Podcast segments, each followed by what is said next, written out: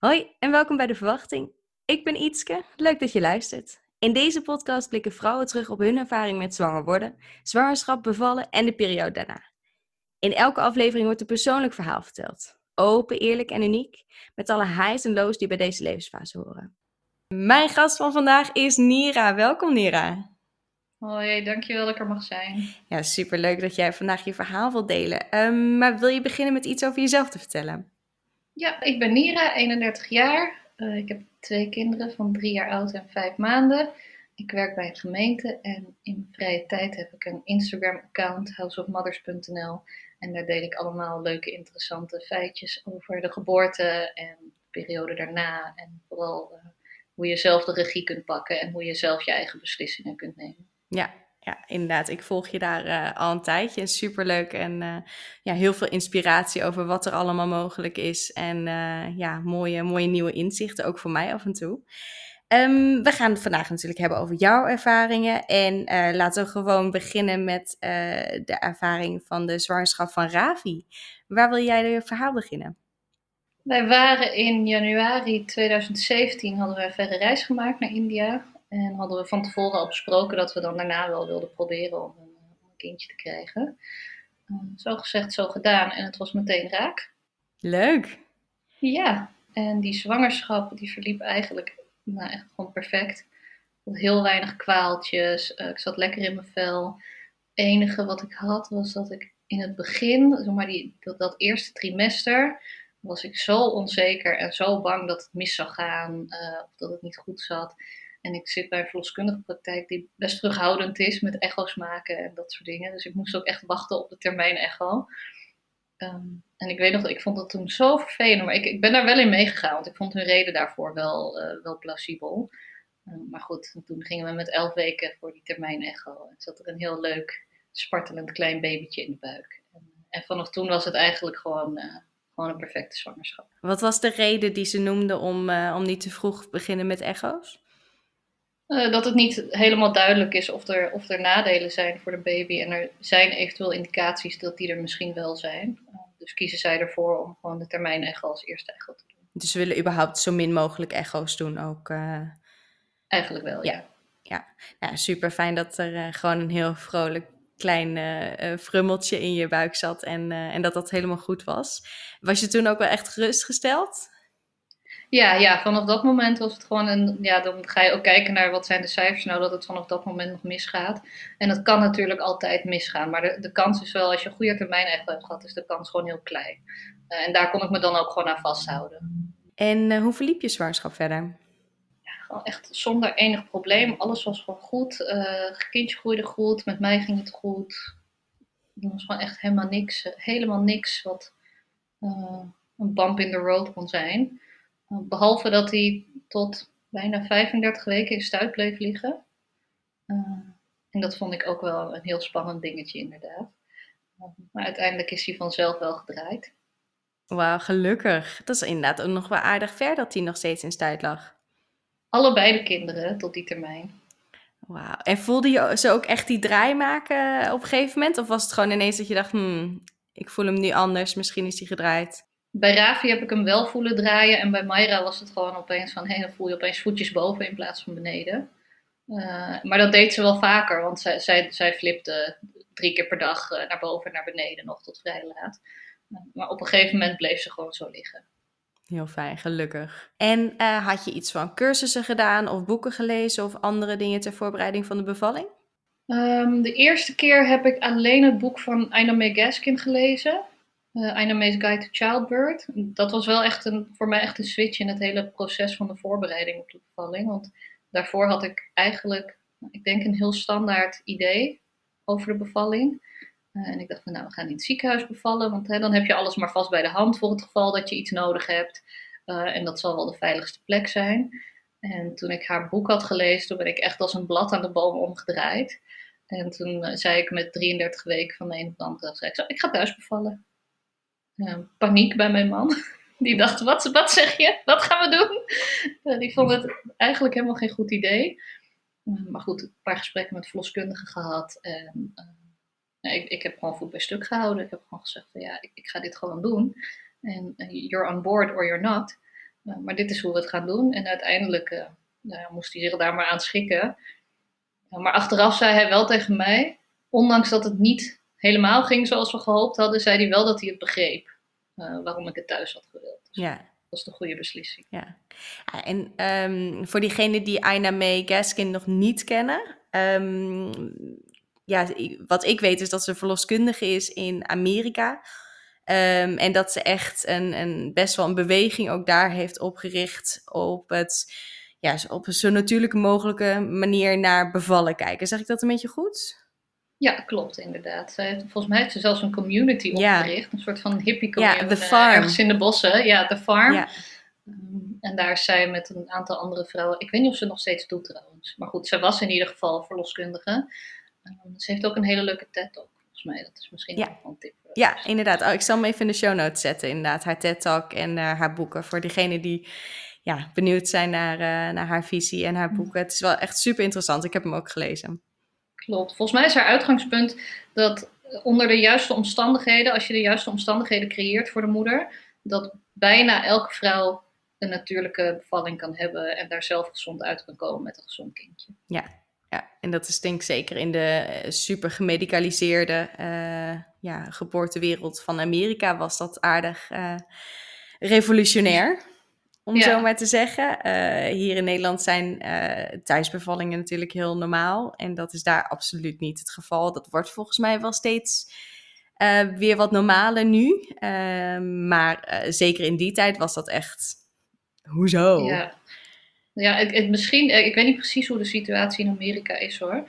Maar misschien dat we wel tegenovergestelde bewegingen aan het maken zijn. Dat je ziet dat in Nederland steeds meer vrouwen in het ziekenhuis bevallen. En misschien in het buitenland heel langzaam besef begint door te druppelen van hé, hey, maar dat hoeft niet allemaal in het ziekenhuis. Ja, ja inderdaad. Nee, dat zou heel goed kunnen. Um, je vertelde dat je dus graag in, uh, thuis wilde bevallen. Had je andere um, wensen voor je bevalling? Nee, ik had, ik had wel een geboorteplan gemaakt. Uh, maar achteraf ja, was dat eigenlijk een heel vrij standaard geval. Uh, navelstreng laten uitkloppen, geen pijnstilling, het liefst thuis. Eh, maar ik, had, ja, ja, ik denk echt vrij standaard geboorteplan voor iemand die thuis wil bevallen. Ja, en je verloskundige praktijk is er ook een die dat uh, gewoon gewend is en, uh, en daar uh, heel positief naar kijkt? Ja, we hebben hier, hier in de regio waar ik woon, wonen ook veel boeren. en ook veel gelovige mensen. Dus er worden hier wel bovengemiddeld veel kinderen thuis geboren. dus ze zijn, dat, ze zijn dat helemaal gewend. Ja, en hoe diende zijn eh, bevalling zich uiteindelijk aan? Nou, ik was over de 40 weken en toen begon ik hem een beetje te stressen. Want ik dacht van ja, maar wacht eens even. Eh, als hij niet uit zichzelf komt, dan lig ik straks nog in dat ziekenhuis. Dus ik zei dat ook, ik zei dat tegen die verloskundige en zij zei tegen mij, ze zegt ja maar, ze zegt als jij dat niet wilt, dan ga je toch lekker niet naar die inleiding. Maar daar had ik nog nooit van gehoord. Van, überhaupt het, het hele idee dat je daarvoor kunt kiezen, was voor mij gewoon mindblowing. Um, maar goed, alsnog had ik dus die stress. Want je hoort dan ook weer cijfers van nou, na de 42 weken dan verhoogt, uh, verhoogt de kans zich wel heel erg uh, dat het kindje overlijdt of dat er ernstige complicaties zijn. Of wat dan ook. Dus ik zat met 41 weken, uh, had ik een afspraak bij de verloskundige. En eigenlijk ging het, ging het gewoon prima allemaal. Met mij ging het goed, met de baby ging het goed. Ik was het eigenlijk ook nog niet eens echt zat, het zwanger zijn. Mm, maar toen heb ik gezegd van, nou, weet je, laten we maar strippen. Ik denk van, dan vergroot ik in ieder geval mijn kans dat ik uh, voor die 42 weken beval. Uh, nou, zo gezegd, zo gedaan. Um, en toen gingen we naar huis. En toen gebeurde er niks. Uh, totdat we, het was s'avonds, 9 uur. En toen kreeg ik echt zo'n zo'n zwangere hormonale aanval van nesteldrang. Want de box die stond nog niet. Ik zeg, die box die moeten wij nu zetten. Ik zeg, dit is niet normaal. Mensen hebben die box al met 32 weken staan. Ik ben 41 weken zwanger. Wij gaan nu, nu gaan wij die box meteen in elkaar zetten. Uh, dus dat hebben we gedaan. En toen ging mijn man die ging naar bed. En ik, volgens mij begon het rond een uurtje of elf. Dus ik, ik, denk dat die box gewoon eerst, dat was het laatste ding op mijn to-do-lijstje. Die moest nog opgezet worden. En toen, toen mocht de baby komen. Uh, nou ja, goed, het begon eigenlijk zoals, uh, zoals veel eerste bevallingen beginnen. Gewoon met uh, echt vroege weeën, heel onregelmatig, niet sterk. En toen heb ik, naar mijn mening, de fout gemaakt dat ik meteen in de bevalmodus ben gegaan. Dus ik dacht, ik denk, yes, ik denk die baby komt. Affirmaties aan en ik ben nog even gaan douchen en mijn haar gaan doen en mijn make-up en gewoon idioot. Ehm, en toen dacht ik van, nou, dan ga ik, ga ik beneden zitten en dan, dan ga ik gewoon even rustig in mijn bubbeltje. Maar eigenlijk had ik gewoon naar bed moeten gaan. Ik gewoon moeten gaan slapen en mijn rust pakken en gewoon kijken wat er gebeurt. Enfin, niet gedaan. En toen heb ik om een uurtje of vier s'nachts. Toen was ik dus al de hele nacht op. Toen heb ik mijn man wakker gemaakt. Ik zei van, nou, volgens mij is het wel begonnen. Ga de verloskundige maar bellen. Hij haar gebeld. Toen zei ze van, nou, ik kom om een uurtje of zes kom ik wel even kijken uh, hoe het ervoor staat. Toen kwam ze. En ik had de dag daarvoor had ik dus 1 centimeter ontsluiting, anders kun je niet strippen. En toen zij kwam om 6 uur s ochtends had ik 2 centimeter ontsluiting. Nou, domper, want dan ben je al de hele nacht wakker. Achteraf denk ik dat is heel normaal hoe dat gegaan is. Dat eerste deel duurt gewoon heel lang en gaat heel langzaam. op dat moment dacht ik echt, oké dan. Uh, dat valt even tegen, die 2 centimeter. Maar goed, vol frisse moet verder. Zij ging weer weg. Uh, zij zou dan om een uurtje of tien zou ze terugkomen. En wij gingen even een rondje lopen buiten. Met letterlijk hier het straatje uit, hoekje om en weer terug naar huis. Uh, want ik moest overgeven. En ja, weet je, je komt om 7 uur s ochtends, kom je buiten. Uh, mensen gaan naar hun werk en iedereen komt buiten. En je buren die worden wakker. En het was gewoon too much. Ik dacht, ik hoor, hier, ik hoor hier helemaal niet op straat tussen al deze mensen die gewoon hun, eh, hun normale dingen aan het doen zijn. Dus heel snel weer naar binnen. Binnen vijf minuten waren we weer terug. En nou, toen hebben we hier een beetje rondgelopen en gezeten en dingen gedaan. Toen kwam ze om tien uur.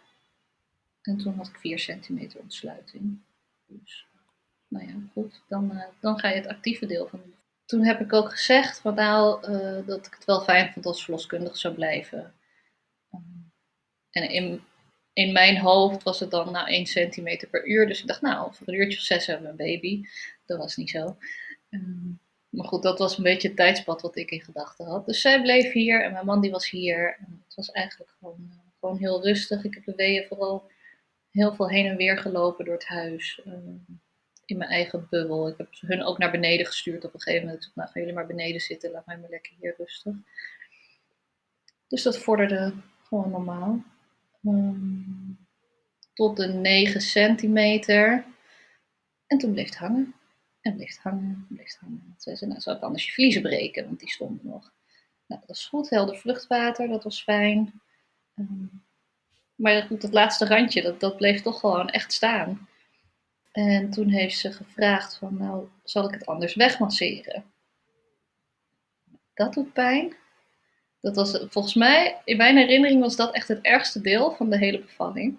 Uh, maar het hielp wel. Dus toen konden we gaan persen uh, op de baarkruk. En een uur later niks.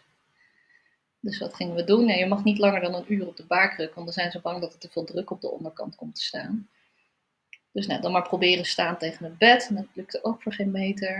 Um, dus uiteindelijk uh, liggen op je rug. En gek genoeg, ondanks dat dat echt de minst efficiënte manier is om te bevallen, uh, lukte dat wel. En had ik het idee dat ik dan wel de kracht kon zetten die ervoor nodig was. Um, dus verder geperst. En toen kwam er eindelijk kwam er wat vooruitgang in. Uh, dat ze het hoofdje langzaam konden zien.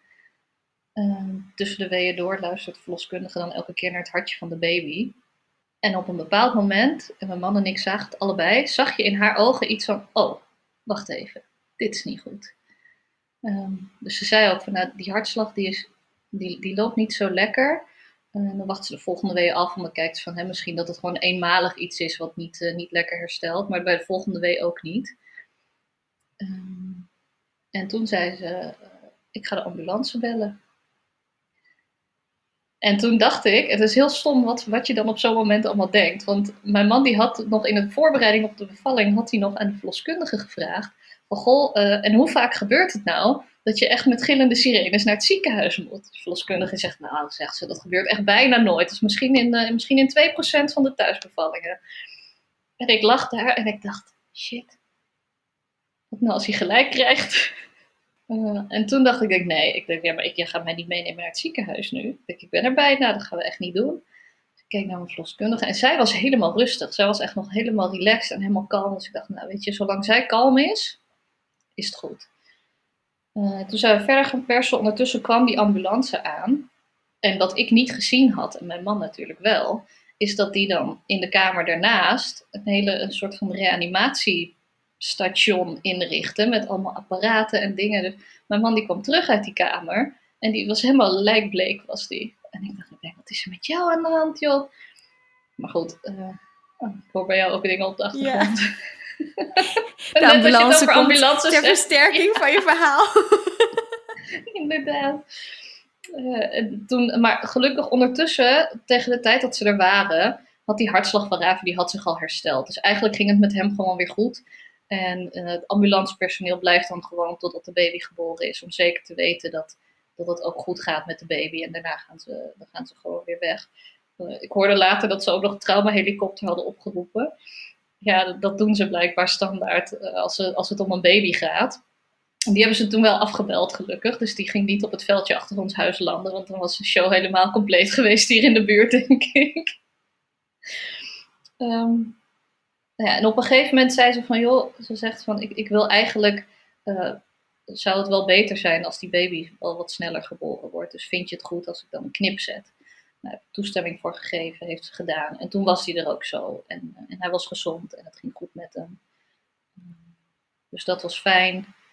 En hij, hij was gewoon gelijk hersteld. Uh, hij, was helemaal, hij, was, helemaal, hij was helemaal in orde gewoon. hij oh, had wel in het vruchtwater gepoept, dus hij heeft het wel eventjes zwaar gehad binnen.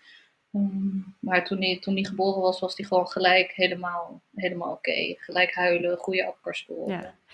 Hoe was het met jou dan? Want jij had net een behoorlijke tijd geperst. En een beetje de spanning toch wel, neem ik aan, van ja, dit is toch niet helemaal hoe het hoort. Hoe voelde je? Nou, ja, die spanning, dat, dat viel voor mij echt heel erg mee. Ik denk dat het voor mijn man echt veel erger geweest is dan voor mij. Maar ik, weet, ik had gewoon volledig het vertrouwen erin dat het gewoon goed was. Uh, dus ik heb, die echt, ik heb geen angst of zo gevoeld over het feit dat die ambulance er was en dat het misschien niet goed ging. Um, voor hem was het natuurlijk wel echt een ding. Daar heeft hij ook nog wel even mee gezeten achteraf. Maar ik bloedde wel vrij zwaar na de bevalling. placenta kwam volgens mij na 25 minuten. Heeft ze wel spuit voor moeten zetten. Uh, omdat ze dus zag dat er wat bovengemiddeld bloedverlies was. Ik ben uiteindelijk een, nou, iets meer dan een liter bloed verloren. Maar goed, het stopte wel en we hoefden verder niet mee met die ambulance. Dus dat, dat ging gewoon allemaal naar huis. En uh, ik kreeg de instructie dat ik in verband met dat bloedverlies uh, niet zelf naar de wc mocht. Uh, maar dat dat op bed dan gedaan moest worden. En dat heb ik natuurlijk heel eigenwijs genegeerd. Dus op, ik ging s'nachts naar de wc en dat had ik niet meer te doen, want dan ga je gewoon dan ga je knock-out. Jij bent echt neergegaan op de badkamer? Ik ben echt neergegaan. En, nou, dat gelukkig niet. Mijn man die was er gelukkig bij. Die heeft me opgevangen. Oh jee. Nou, maar dat was voor hem natuurlijk ook wel spannend. Want dan is je vrouw is, is knock-out gegaan. Ik kwam gelukkig wel, ik kwam wel weer meteen bij. Dus dat was, uh, dat was uh, niet zo heel ernstig. Maar goed, dan heb je en je vrouw en je hebt je pasgeboren babytje. En dan ben je in je eentje. Uh, dus hij heeft wel nog wat mentale steun gehad van het loskundige gelukkig ja. op WhatsApp. Nou ja, en juist ook omdat hij natuurlijk helemaal meekreeg dat het toch wel echt even spannend was. En of dat in ieder geval de maatregelen waren genomen voor als het niet goed ging. Um, dan stonden ze klaar, stonden de ambulance medewerkers klaar. En dat heeft hij dus veel bewuster meegemaakt.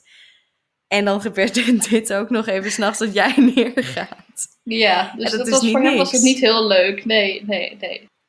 Um, dus nou, we gingen de kraamweek in. En dat ging eigenlijk, nou, de eerste paar dagen ging dat gewoon zoals je zou verwachten. Ze hadden wel bij de geboorte al gezegd van, nou, we zien wel iets van een tongriempje zitten, maar het lijkt niet al te ernstig. Dus nou, kijk het maar even aan. En dan kunnen we anders later nog een keer naar kijken. Um, en Ravi was nou, best een tevreden babytje. Die, die dronk lekker vaak en die sliep goed. En dat leek allemaal heel goed te gaan. Um, hij viel wel wat veel af. Want op een gegeven moment zat hij op rond die 19% En dan begin je al een beetje te denken van oeh, dat is wel veel. Um, en op een gegeven moment merkten we dat we hem steeds moeilijker wakker kregen. En toen ging op een gegeven moment, zei de kraamzorg wel van ja, maar hier moet ik even voor aan de bel trekken. Want nu, nu is het echt te moeilijk aan het worden om hem wakker te krijgen voor de voeding. En een pasgeboren babytje die twee, drie uur niet gegeten heeft, die hoort wel gewoon uh, enthousiast te worden van het idee van eten. En dat, dat had hij niet. Dus toen zei verloskundige van, nou, weet je, laten we bloed prikken en uh, mijn man op pad naar het Meander hier in Amersfoort om het te brengen, want dan had je het snelste uitslag. En toen zei ze eigenlijk net als met die kans dat er een ambulance komt, zei ze van nou, ik heb in mijn hele carrière 15 jaar verloskundige, of misschien wel meer, ik weet niet eens meer hoe lang ze dat al doen. Dan heb ik pas één keer meegemaakt dat het niet goed was. En ja hoor, het was niet goed.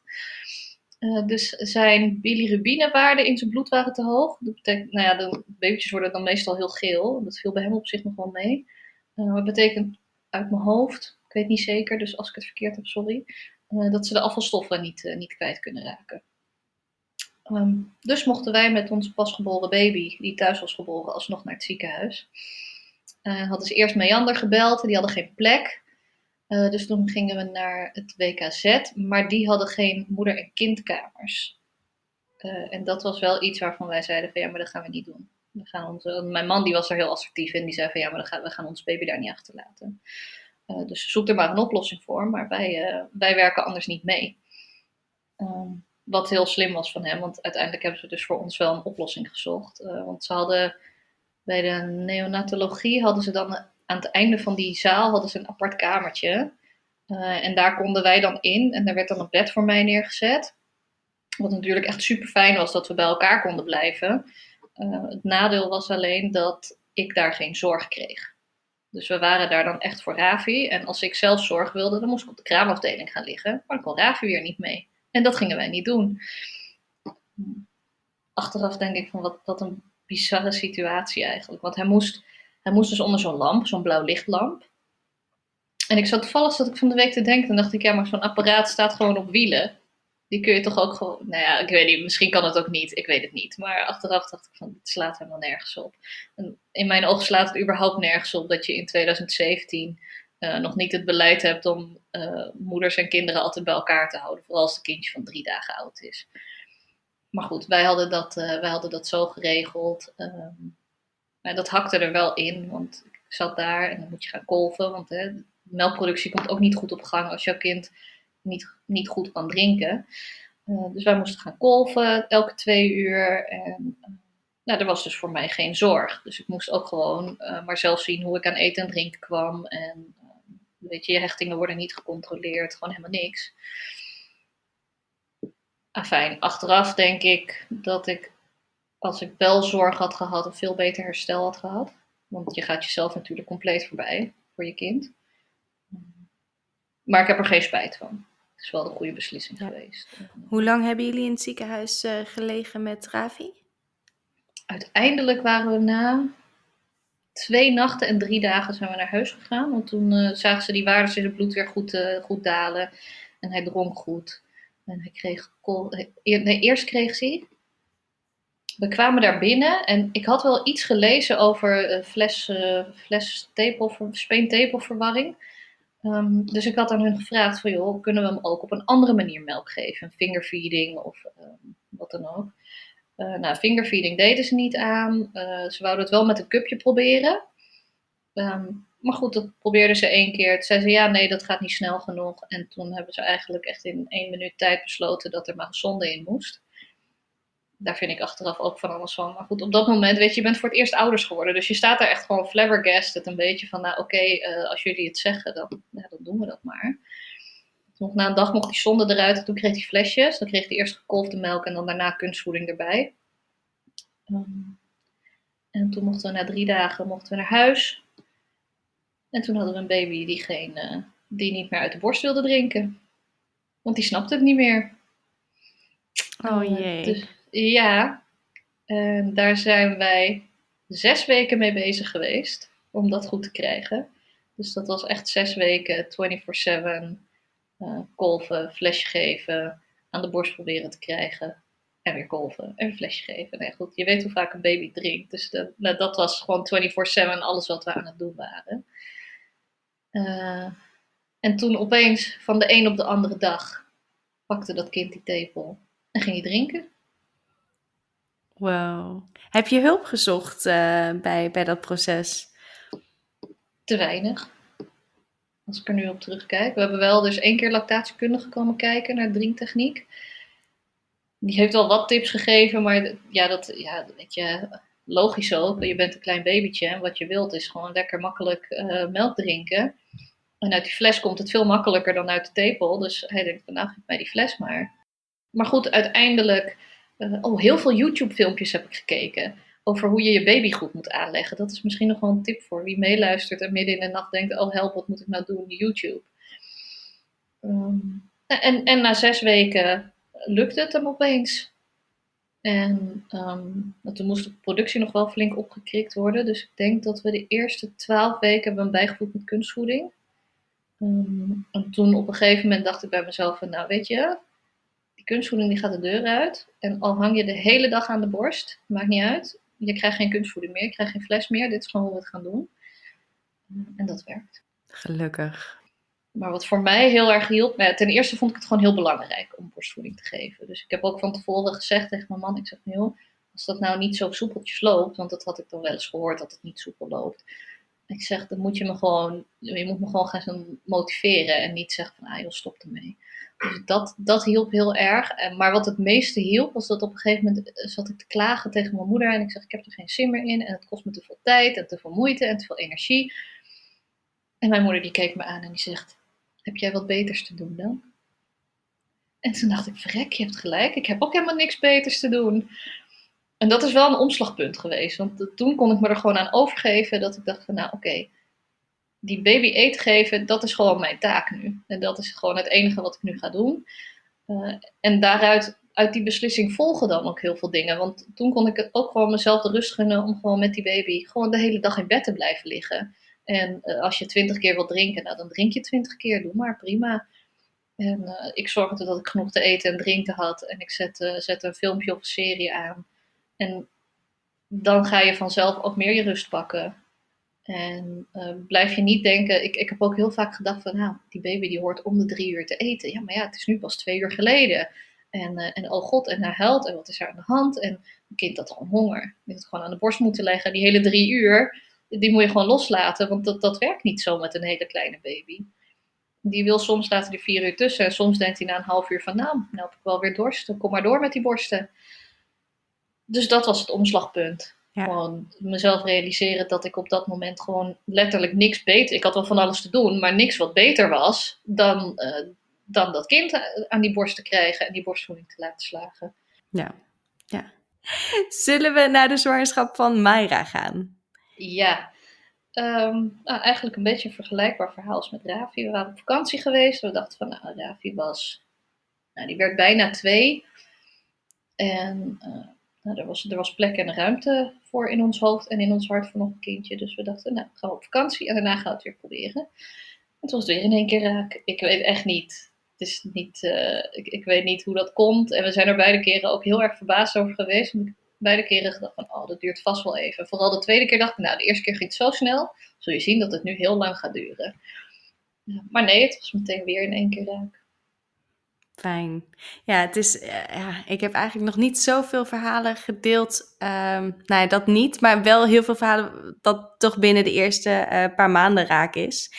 En als je dan toch naar de statistieken kijkt, weet je dat het niet het geval is. Dus zoveel vrouwen die wel de eerste paar maanden zwanger raken, maar nog veel meer vrouwen bij wie het gewoon veel langer duurt. Um, ja, het is altijd een, een, verrassing en super fijn als het heel snel gebeurt. En uh, ja, heel emotioneel en lastig als het wat langer duurt. Ja, precies, klopt. Nee, maar da daarom ook, omdat we ons er ook zo bewust van waren van dat het echt helemaal niet vanzelfsprekend is dat het zo makkelijk gaat. Dus beide keren ja. is het gewoon, uh, dan is het gewoon, dan is het feest, dan is het ja. En hoe verliep deze zwangerschap? Totaal anders. Uh, die onzekerheid die ik bij Ravi had, die heb ik op dit moment totaal niet gevoeld deze keer.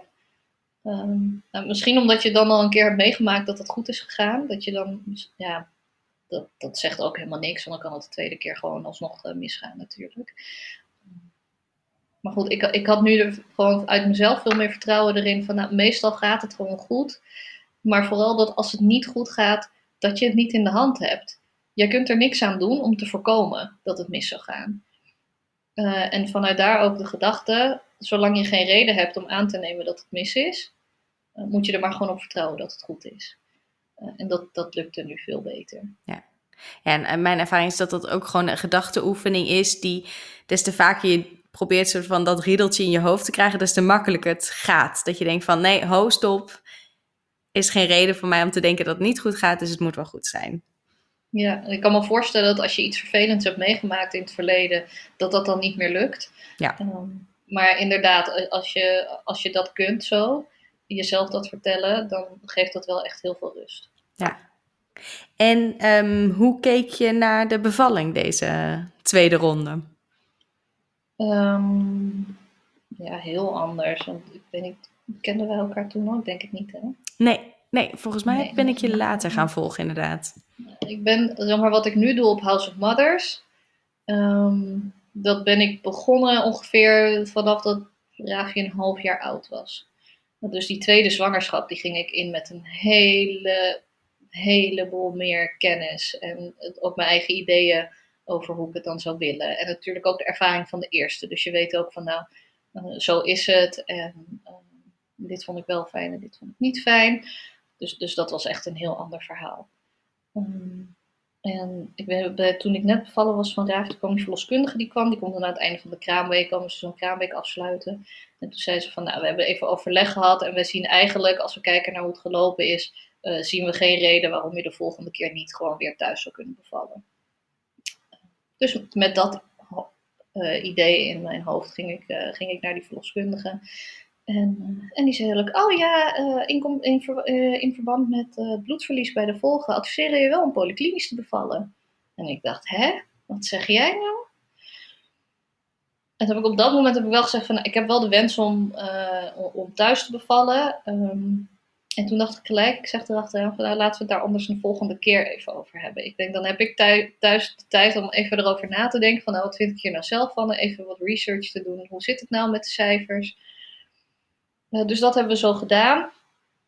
En nou, toen ben ik dus zelf gaan kijken van, nou, hoe zit dat allemaal in elkaar? En kwam ik erachter dat, nou, als je bedenkt wat waarschijnlijk de redenen zijn geweest van een bloedverlies vorige keer, dat de kans vrij klein was dat het nog een keer zou gebeuren. Dat die misschien tussen de 5 of 10 procent zou zitten. En dat vond ik laag genoeg om, om het risico te nemen. We zitten hier ook niet zo ver van het ziekenhuis dat je echt, uh, dat je echt heel erg in tijdnood komt, mocht je toch wat meer bloed verliezen. Um, goed, dus, dus ik ben naar mijn verloskundige teruggegaan. Ik heb gezegd van, nou, ik heb dit en dit gelezen, dit en dit zijn de risico's. Uh, en als jullie het goed vinden, dan wil ik toch wel die thuisbevalling. Dus dat hebben ze overlegd in het team. En eigenlijk stonden ze er allemaal achter. Um, dus nou, de neuzen stonden dezelfde kant op. Dat was fijn. En toen heb ik met. Oh ja, corona kwam nog tussendoor. Uh, lockdown, uh, lockdown gehad. Uh, dus heb je geen, geen consulten meer met je verloskundige. Dat ging allemaal via de telefoon. Dus ik heb geboorteplannen ook telefonisch besproken met de verloskundige. Maar dat was diezelfde verloskundige als die tegen mij had gezegd van... Oh, maar je hoeft je helemaal niet in te laten leiden met 42 weken. Dus toen wist ik al van, nou, weet je, ik stuur dat geboorteplan naar haar op. En, en ik weet eigenlijk al dat zij dat eh, een prima plan gaat vinden. Uh, en dat was ook zo. Dus zij vond het een mooi plan. Ze zegt van, joh, weet je, ga er maar gewoon vanuit dat gemiddeld gezien een tweede gewoon makkelijker gaat dan een eerste. Uh, en dat de kans dat het weer zal gaan zoals vorige keer, en met dat hele ambulanceverhaal en met die bloeding, die, die achter zij zelf ook gewoon vrij klein. Ja. En wat waren verder, uh, wat waren verder wensen die daarin stonden? Uh, een specifieke was dus in verband met dat bloedverlies. Oh ja, dat was ik vergeten. Had die, die eerste verloskundige die had gezegd van nou, misschien moet je dan maar polyklinisch bevallen. Uh, die had ook nog met mij besproken van nou, wat vind je dan van het idee dat we als de baby geboren is preventief alvast een oxytocineprik zetten. En dat wilde ik eigenlijk ook niet. Dus toen heb ik in mijn plan laten zetten uh, dat ik de oxytocineprik pas wilde bij geschat bloedverlies van meer dan 500 milliliter. Want dan heb je gewoon meer dan gemiddeld. En dan vind ik dat ook gewoon een indicatie dat ik zeg van nou, ik kan of die prik nemen uh, en dan misschien gewoon dat alles verder goed gaat. Of je zegt ik wil die prik niet en dan beland je misschien alsnog in het ziekenhuis. Dus als ik alles afwoog, was vanaf 500 milliliter was voor mij gewoon zelf een moment dat ik zeg van nou, dan wil ik zelf ook actie. Want ik denk dat dat voor ons allemaal de beste uitkomst gaat geven. Ik had twee geboorteplannen gemaakt. En dat eentje die was voor als alles goed zou gaan. En eentje die was voor als alles niet goed zou gaan. Nou, en die, eh, waar alle, alles goed in zou gaan. Wat dingen die ik heel belangrijk vond. Was ik wilde dat de navelstrimpels doorgeknipt werd als de baby aangekleed zou worden. Dus dan heb je echt nou ruim een uur um, dat je die navelstreng echt volledig kunt laten uitkloppen. En ehm, ik wil dat extra goed naar het tongriempje gekeken werd. En verder, ja, gewoon een beetje de basic dingen. Dat, dat ze mij het beste gewoon lekker met rust kunnen laten. Want ik zit zo in mijn bubbel tijdens zo'n bevalling. Dat ik, ik heb eigenlijk niemand nodig. Nou, verder had ik in dat, dat hele thuisbevalplan niet hele bijzondere dingen gezet. Ik weet eigenlijk niet meer zo goed. Stom, hè? Nee, in ieder geval niks wat, wat heel erg... ehm, Nee, nee, niet echt iets wat heel erg bijzonder was. Oh ja, ik had wel gezegd eh, geen mutsje op te doen bij de baby als die geboren is. Eh, omdat ik dus had gelezen dat als je eh, de geur van het hoofdje van je baby geeft je een extra oxytocine rush na de geboorte. En dat helpt weer om de placenta geboren te laten worden. Eh, en dat hebben ze ook zo gedaan. Het hoefde uiteindelijk ook niet. Het was 34 graden op de dag dat ze geboren werd. Dus het mutsje was, eh, was eerder eh, slecht dan goed in dat geval. Ehm, dus nee, ik denk dat, dat het meest waardevolle uit mijn geboorteplan was dat ik heel goed nagedacht had over hoe ik die nageboortefase wilde laten verlopen. En daar wel echt een punt van heb gemaakt. Ik wil gewoon rust in de ruimte, geen stress, geen paniek. En dat is de beste manier om die placenta gewoon uit zichzelf te laten, te laten komen. En, en ik had nog een geboorteplan van, nou, wat nou als alles niet goed gaat? En dat is dan het scenario, we gaan toch naar het ziekenhuis.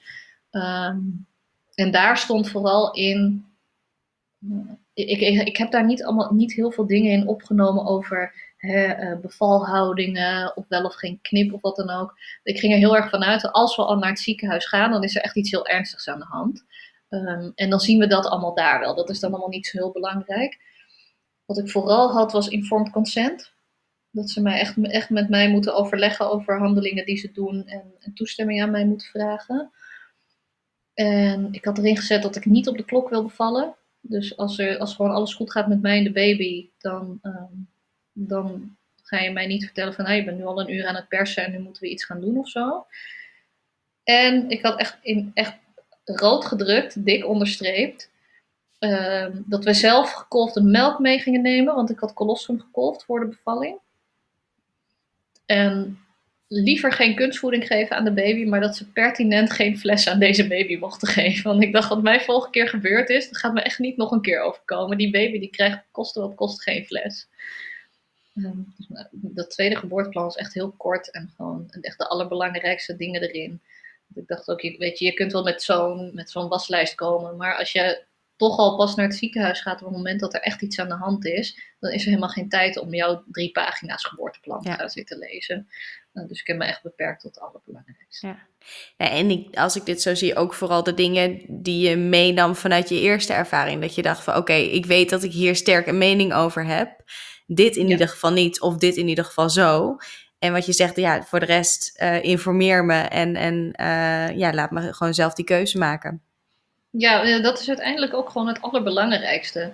Het maakt niet eens zo heel veel uit hoe je bevalling verloopt. Als jij zelf de keuzes kunt maken, dan is het eigenlijk altijd goed. Ja, en super fijn dat je een verloskundige had die, waarvan je dacht van, ik zit op één lijn met, eh, met, ja, met jullie als, als team ook.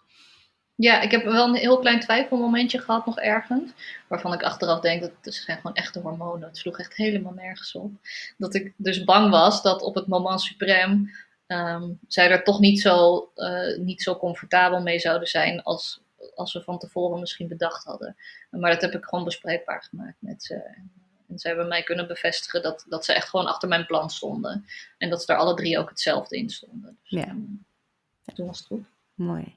En eh, hoe diende deze bevalling zich aan? Veel eerder dan ik gedacht had. Nou ja, veel eerder. Dat klinkt nu alsof het een prematuur kindje is en dat is niet zo. Uh, goed, bij Ravi was ik 41 weken, was ik uiteindelijk bevallen. Dus hier dacht ik, in mijn hoofd zou deze tussen de 40 en de 41 weken ergens komen. En ze kwam uiteindelijk met 38 weken en 6 dagen. Dus ik, ik was er, mentaal was ik er nog helemaal niet, ik was er nog helemaal niet aan toe. Ik was de zwangerschap ook nog niet echt zat en... Uh, vond wel, ik vond wel echt veel pittiger, die tweede zwangerschap. Je hebt er natuurlijk wel eentje rondlopen. Dus je kunt veel minder je rust pakken. En die trein die draaft maar door. En we hadden de corona. Dus we zaten met, met het hele gezin zaten wij thuis. En ik was zwanger en ik trok het echt zo slecht. Want ik, ik, wou gewoon, ik wou gewoon ruimte voor mezelf en ik wou tijd voor mezelf. En dat was er niet, want kinderopvang was dicht en mijn man zijn werk was dicht. En het was gewoon hutje-mutje op elkaar zitten. En je kon ook niet eventjes naar de stad of zo om... Uh, Omdat je denkt van nou, ik ga even een paar uurtjes winkelen, lekker relaxed.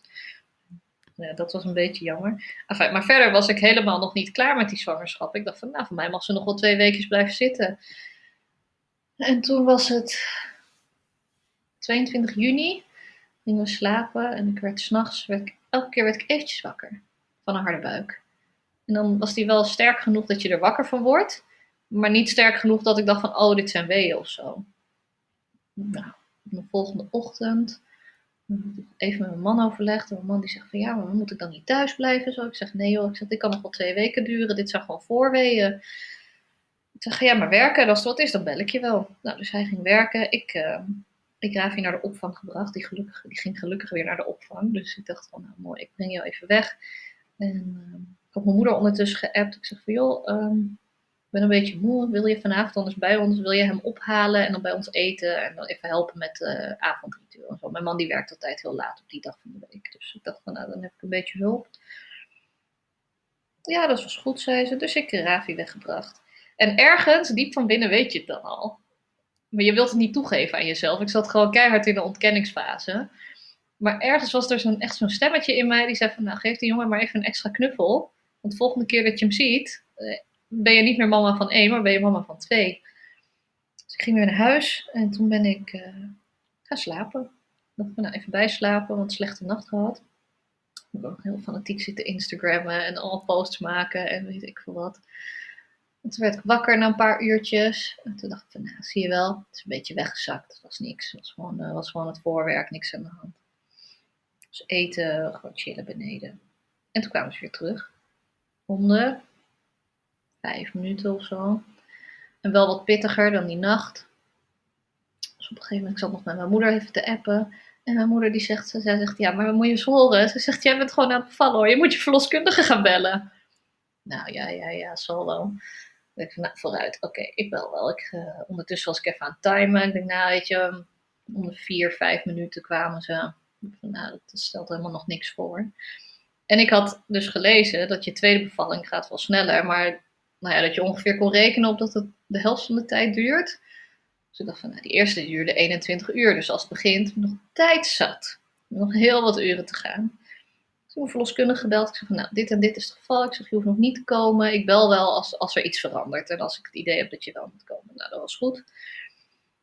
En uh, nou, dus dat, dat ging gewoon zo door, ik denk ongeveer. Nee, ik heb eerst mijn man nog gebeld heb nog gezegd, ik zeg, joh, het is begonnen en uh, ik denk dat je maar naar huis moet komen. En mijn man is rijinstructeur. En die had echt net een leerling opgehaald. Die was echt tien minuten daarvoor weggereden bij zijn huis. Dus hij vroeg nog aan mij. Hij zegt van, ja joh, hij zegt, um, kan ik echt niet even deze les afmaken? En dan ben ik er om een uurtje of kwart over vijf of zo ben ik er wel. Dus nou, ja, dat kan eigenlijk best, dacht ik. Ik denk, laat wees niet zo egoïstisch. Laat die man gewoon even zijn les afmaken. Maar, en het andere stemmetje in mijn hoofd zei nee. Ik zeg, heel moet die man van jou thuis laten komen. Ik zeg, nee, sorry, ik wil dat je naar huis komt. Oké, nou, dus hij ging zijn leerling, die kon weer rechtsomkeer maken op de rotonde. Dan gaan we weer naar huis. En, en ik zat hier die weeën op te vangen. En op een gegeven moment dacht ik van, nou, volgens mij heb ik, uh, volgens mij heb ik een sterrenkijker of zo. Volgens mij ligt ze niet goed. Want ik voelde haar voetjes de hele dag aan de voorkant. En ik had het gevoel dat ik een beetje een soort van hele lichte persdrang had of zo. Ik, ja, maar dat kan nog helemaal niet. Want nou, we zijn pas een uur bezig en die weeën die zijn vier, vijf minuten uit elkaar. Dus dat is veel te vroeg. Ik denk, nou, even andere houding aannemen. Weet je, die baby proberen te motiveren om hè, die draai te maken met het ruggetje naar voren. En toen zat ik daar zo voorover gebogen op zo'n fitnessbal, weet je wel. En toen braken mijn vliezen opeens. En dan vond ik zo'n gek gevoel. Dat was echt, je hoort dan plop. En voor mijn gevoel was het alsof er dan een, visje door je buik zwemt. Ja, zo voelde het. Nou, niet een visje, gewoon een grote vis door je buik zwemt. Van, van beneden naar boven, zeg maar. Die vliezen waren gebroken. Ik denk, oh jeetje. Uh, nou, dan ga ik maar die verloskundige weer bellen. Want ik had gezegd, van, nou, ik bel wel als er, als er iets verandert. Ik haar gebeld. Ze nou, vind je het goed als ik dan toch kom? Want ja, als je vliezen gebroken zijn bij een tweede, dan kan het wel eens snel gaan. Nou, ik had er eigenlijk helemaal geen zin in, maar ik had zoiets van, nou, vooruit, oké, kom maar. Uh, misschien ook wel fijn om even, even te overleggen of zo, hoe we dat verder gaan doen. Uh, toen belde mijn man, ja, ik sta in de file. Dat zul je net hebben, dinsdagmiddag. Tijdens corona. Staat Hoe mijn man dan? op de provinciale weg, op de provinciale weg in de file. Ja, maar ik ben er over een kwartiertje, twintig minuten. Ik, Oh, kijk, nou prima. Dus ik ging, eh, ik denk, ik ga naar boven, even schone kleren aandoen. Want één groot waterballet, alles was nat. En toen kwam ik boven en ik had me, omge nee, ik had me wel uitgekleed, maar nog niet aangekleed. En opeens kreeg ik me toch een persweeën. Echt niet normaal. En toen dacht ik, ja, oké. eh, handig dit. Maar ja, in mijn hoofd had ik nog uren te gaan.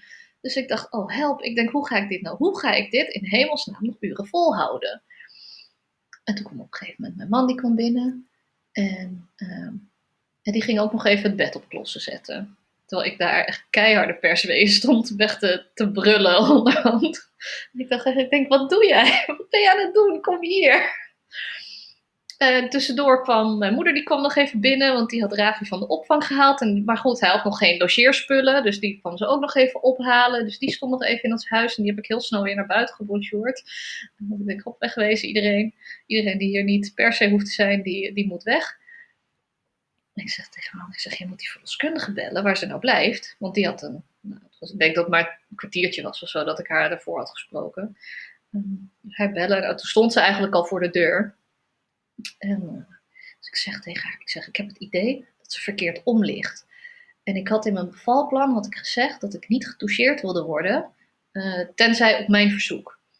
Dus ik zeg van, nou, wil je misschien toch voelen, of je kunt voelen, uh, ten eerste heb ik die persdrang omdat ik echt moet persen, of is dat omdat ze gewoon verkeerd ligt. En, en zij ging voelen en ze zegt, ja, ze zegt, ik stuit gelijk op het hoofd. Dus ik ga ook niet verder voelen naar de ligging. Uh, en, en ik had ergens nog een beetje dat stressgevoel van ja, maar ja, maar ja, wat nou als het toch een sterrenkijker is en ze verkeerd ligt. En die verloskundige was heel relaxed. Die zei, ja, maar dat, dat betekent hoogstens dat je wat langer moet persen. Ze zegt, dat is helemaal geen probleem. En toen dacht ik, oh, oké, nou, let's go for it then. Ja, en dat is natuurlijk, dat is super chill. Dat moment dat je die persweeën niet meer hoeft weg te zuchten en dat je gewoon lekker mee kunt gaan persen. En zij zei achteraf ook, ze zegt, ik denk dat jij het hebt opgehouden en dat als je dat niet had gedaan, dat de baby er was geweest voordat ik er was geweest. Wow. Dus, nou, en toen was, het, uh, toen was het persen en ik had ook van tevoren bedacht dat ik het zelf al voelen met mijn hand, zeg maar, hoe de baby geboren wordt. Um, dus dat, dat was ik ook aan het doen en dat is zo vet. Dat is, van tevoren dacht ik van, oh is dat dan niet eng, weet je wel? Want nou ja, het moet wel allemaal meerekken. Um, maar op het moment zelf is dat, uh, dat is zo'n bijzonder gevoel. Als je dat dan bij je hand gewoon voelt, dat het hoofdje steeds verder komt.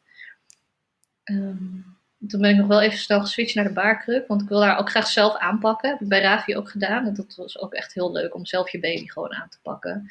Maar ik dacht van ja, voorovergebogen tegen de wastafel. Gaat het mij niet lukken, want dan kan ik me nergens, dan heb ik geen houvast meer aan iets. Dus toch even op de baarkruk. Nou, ze was erin. 17 minuten. Vanaf dat de verloskundige binnen was. Niet eens vanaf het begin van het persen. De verloskundige was er en 17 minuten later uh, was zij er ook. Wauw. Heel ja. anders dus. Ja, echt heel echt. anders. Het heeft in totaal, vanaf het moment dat ik dacht van, oh, dit is een echte wee, heeft het twee uur en drie kwartier geduurd. Poeh. Ja. Niet niks. Dus ja, hè? nou ja, het was bijna. Mijn man had het bijna gemist en mijn verloskundige ook. Ja, ja, en jij maar denken, nee joh, ik heb, ik denk, nog, ik heb uren. nog uren.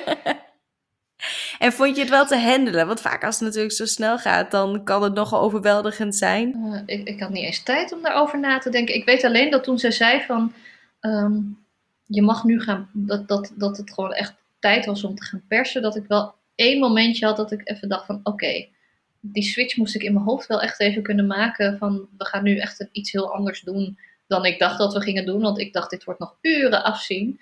Um, maar goed, dat was één momentje dat ik echt dacht van, oké, okay, go for it. En, Ja. Nee, verder was het, het was heerlijk. Het was Gaaf. een perfecte bevalling. Cool. En kwam de placenta er ook makkelijk uit? Ja, die was uh, acht minuten. Kwam die vanzelf, 100 milliliter bloedverlies.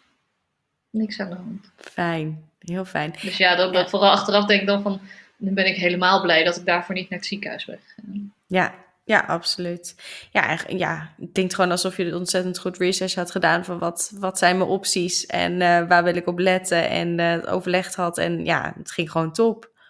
Ja, ja, ik denk inderdaad een combinatie van factoren. Natuurlijk, je tweede gaat meestal gewoon makkelijker dan je eerste, dus dat speelt mee. Ehm, en ook gewoon een hele goede voorbereiding. Ja. Uh, wilde je, uh, ja, je wilde ook gewoon weer borstvoeding geven dus. Mm -hmm. Liet je er ook de, de breast crawl doen? Had je daarover nagedacht of je dat wilde proberen? Heb ik bij beide geprobeerd, hebben ze beide niet gedaan. Ik had bij beide, ik had twee kinderen die echt pas na twee uur volgens mij voor het eerst aangehapt hebben. En die daar ook gewoon echt geen interesse in hadden. Die dat prima vonden. Ik lig lekker hier op de borst. En die lagen wel een beetje te sabbelen en een beetje te doen en op hun handje. Maar de borstcrawl hebben ze allebei niet gedaan. Uit zichzelf, die borst pakken, hebben ze allebei ook niet gedaan. Nee. Dus die hadden wel, die moest je er echt aan uh, van hier is de borst en nu moet je drinken. Ja. En was, was dit uh, borstvoedingsverhaal, ging het makkelijker? Ja, het ging makkelijker, maar ook omdat je al ervaring hebt. En ik kwam nu, want je vroeg, uh, had, je, had je iets van een kraamplan gemaakt? Um, ik, ik had hier nu heel bewust over nagedacht van tevoren, van hoe ga ik dit aanpakken? En ik had dus colostrum gekolfd voor de bevalling, dus dat had ik in de vriezer liggen. Het was niet veel, maar het was wel wat. Um, ook met het idee van, nou stel nou dat er echt iets gebeurt tijdens de bevalling, dat in ieder geval de eerste melk die de baby krijgt uh, colostrum is, in plaats van kunstvoeding. Dus dat had ik klaar liggen en, en, en ik wist zelf gewoon veel beter wat ik kon verwachten. En ze hadden goed naar het tongriem gekeken en toen was het verhaal eigenlijk weer van ja, we zien wel wat zitten, maar we proberen toch maar eventjes even kijken hoe het loopt. En eigenlijk, voor deel, verliep het hetzelfde als de eerste keer. Um, behalve dat wij nu van tevoren al een soort van een, plan van aanval hadden. En een paar dagen zat ze op 9% gewichtsverlies. En toen hadden wij met z'n allen zoiets van: oké, en nu gaan, we, nu gaan we voorkomen wat er gebeurd is de volgende keer. Verloskundige vroeg van: nou, weet je, misschien is het gewoon een idee dat je dan wel gewoon gaat kolven, zodat je in ieder geval uh, haar wat extra melk kunt geven. Maar daar zag ik zo tegenop. Ik, heb, ik denk dat ik echt gewoon nog een soort van trauma heb gehad van die eerste keer. Dat die zes weken met die kolf in de weer was. Ik echt, nee, ik ga niet kolven in mijn kraam. Ik ben helemaal gek geworden. Toen heb ik er even over nagedacht. En toen zei ik van, nou, weet je wat ik eerst wil proberen? Ik wil eerst, ik heb die colostrum nog in de vriezer liggen. Dus dan gaan we die gebruiken. Um, en ik wil kijken wat er gebeurt als we gewoon gaan zeggen, we gaan strak om de twee uur voeden. Gewoon, gewoon de baby wakker maken, elke twee uur aanleggen uh, en een voeding geven. Uh, en dat werkte. Dus de, de, volgende dag was ze eigenlijk al, uh, was ze eigenlijk al aangekomen. En vanaf daar. We hebben uiteindelijk wel de tongriem nog laten klieven. Want ik kreeg ook kloof. Dus eerst de eerste keer gekliefd. En toen ging het al wel beter. Maar toen heb ik aan het einde van de kraamweek. Of misschien zelfs daarna. Toch nog mijn verloskundige gebeld. Ik zeg van ja weet je, ze drinkt goed. Ze is tevreden. Ze komt goed aan. Er lijkt geen probleem te zijn. Ik, zeg, maar ik heb wel die kloof gehad. Een paar dagen geleden. En voor mijn gevoel was het gewoon nog niet uh, de drinktechniek zoals ik me die herinner, zoals die hoort te zijn. Ik zeg gewoon, we zitten er op 80%, maar voor 20% voelt er toch iets niet helemaal in orde. Dus toen is ze komen kijken en toen zei ze van ja, er zit inderdaad nog echt een heel klein stukje. Dus die is nog een keer gekliefd. Dat is wel heel zielig allemaal, maar goed, uh, het werkt wel. Dus, uh, en, en vanaf dat moment uh, was het gewoon allemaal goed en allemaal makkelijk en easy, een tevreden babytje. Ja, en later, dan. Ja, en later wel een flesweigeraar, als ik me goed herinner. Ja, het is nu maar dat is heel tijd geleden. Ja, we hebben nu de juiste fles en de juiste, de juiste trucjes gevonden. Um, maar goed, ja, liever zo. Dan, ik heb liever een flesweigeraar dan een borstweigeraar. Ja. Ja, nee, het heeft weer een hele andere uh, dimensie, denk ik, aan het verhaal. Maar, um, ja, het is allebei ja. ellende.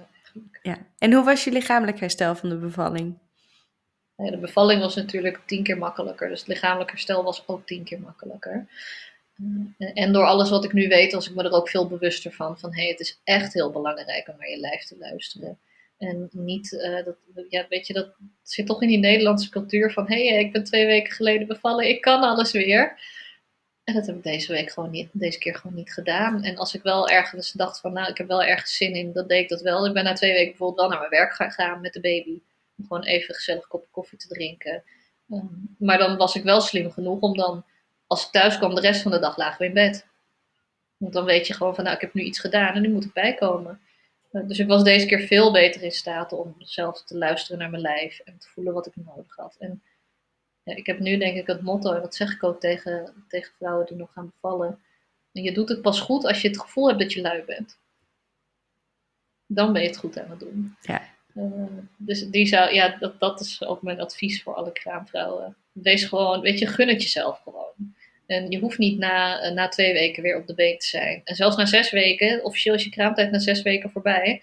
Joh, elke kans die je krijgt, gewoon lekker uitrusten en lekker die baby bij je pakken. En samen lekker in bed gaan liggen of de baby in de wieg als je het samen in bed niet fijn vindt of wat dan ook. Maar neem gewoon echt die rust. Ja, ja. Nee, dat is inderdaad wel een hele goede. Pas als je het gevoel hebt dat je lui bent, dan doe je het goed. Ja. Is er verder nog iets wat je zou willen delen? Nou, ik, misschien nog wel een tip voor de luisteraars, vrouwen die zelf zwanger zijn. Weet gewoon dat er veel meer mogelijk is eh, dan je in de eerste instantie misschien denkt. Als je je bevalling aan het voorbereiden bent en er zit iets in een protocol waarvan jij denkt, ja, maar dat zit mij niet lekker of ik voel me daar niet fijn bij. Je gaat het gesprek gewoon aan met je zorgverlener. En als zij zien dat jij uh, goed voorbereid bent en dat je ook weet waarom je een bepaalde keuze maakt, dan zijn ze vaak echt best wel bereid om gewoon met jou mee te denken. En als ze het niet zijn, dan moet je gewoon een andere zoeken. Dat is ook altijd nog een optie. Als je je niet prettig voelt bij je zorgverlener, dan moet je gewoon een andere zoeken. Ja. Dus dat zou mijn tip zijn. Ja. Hey, bedankt voor het delen van je verhaal.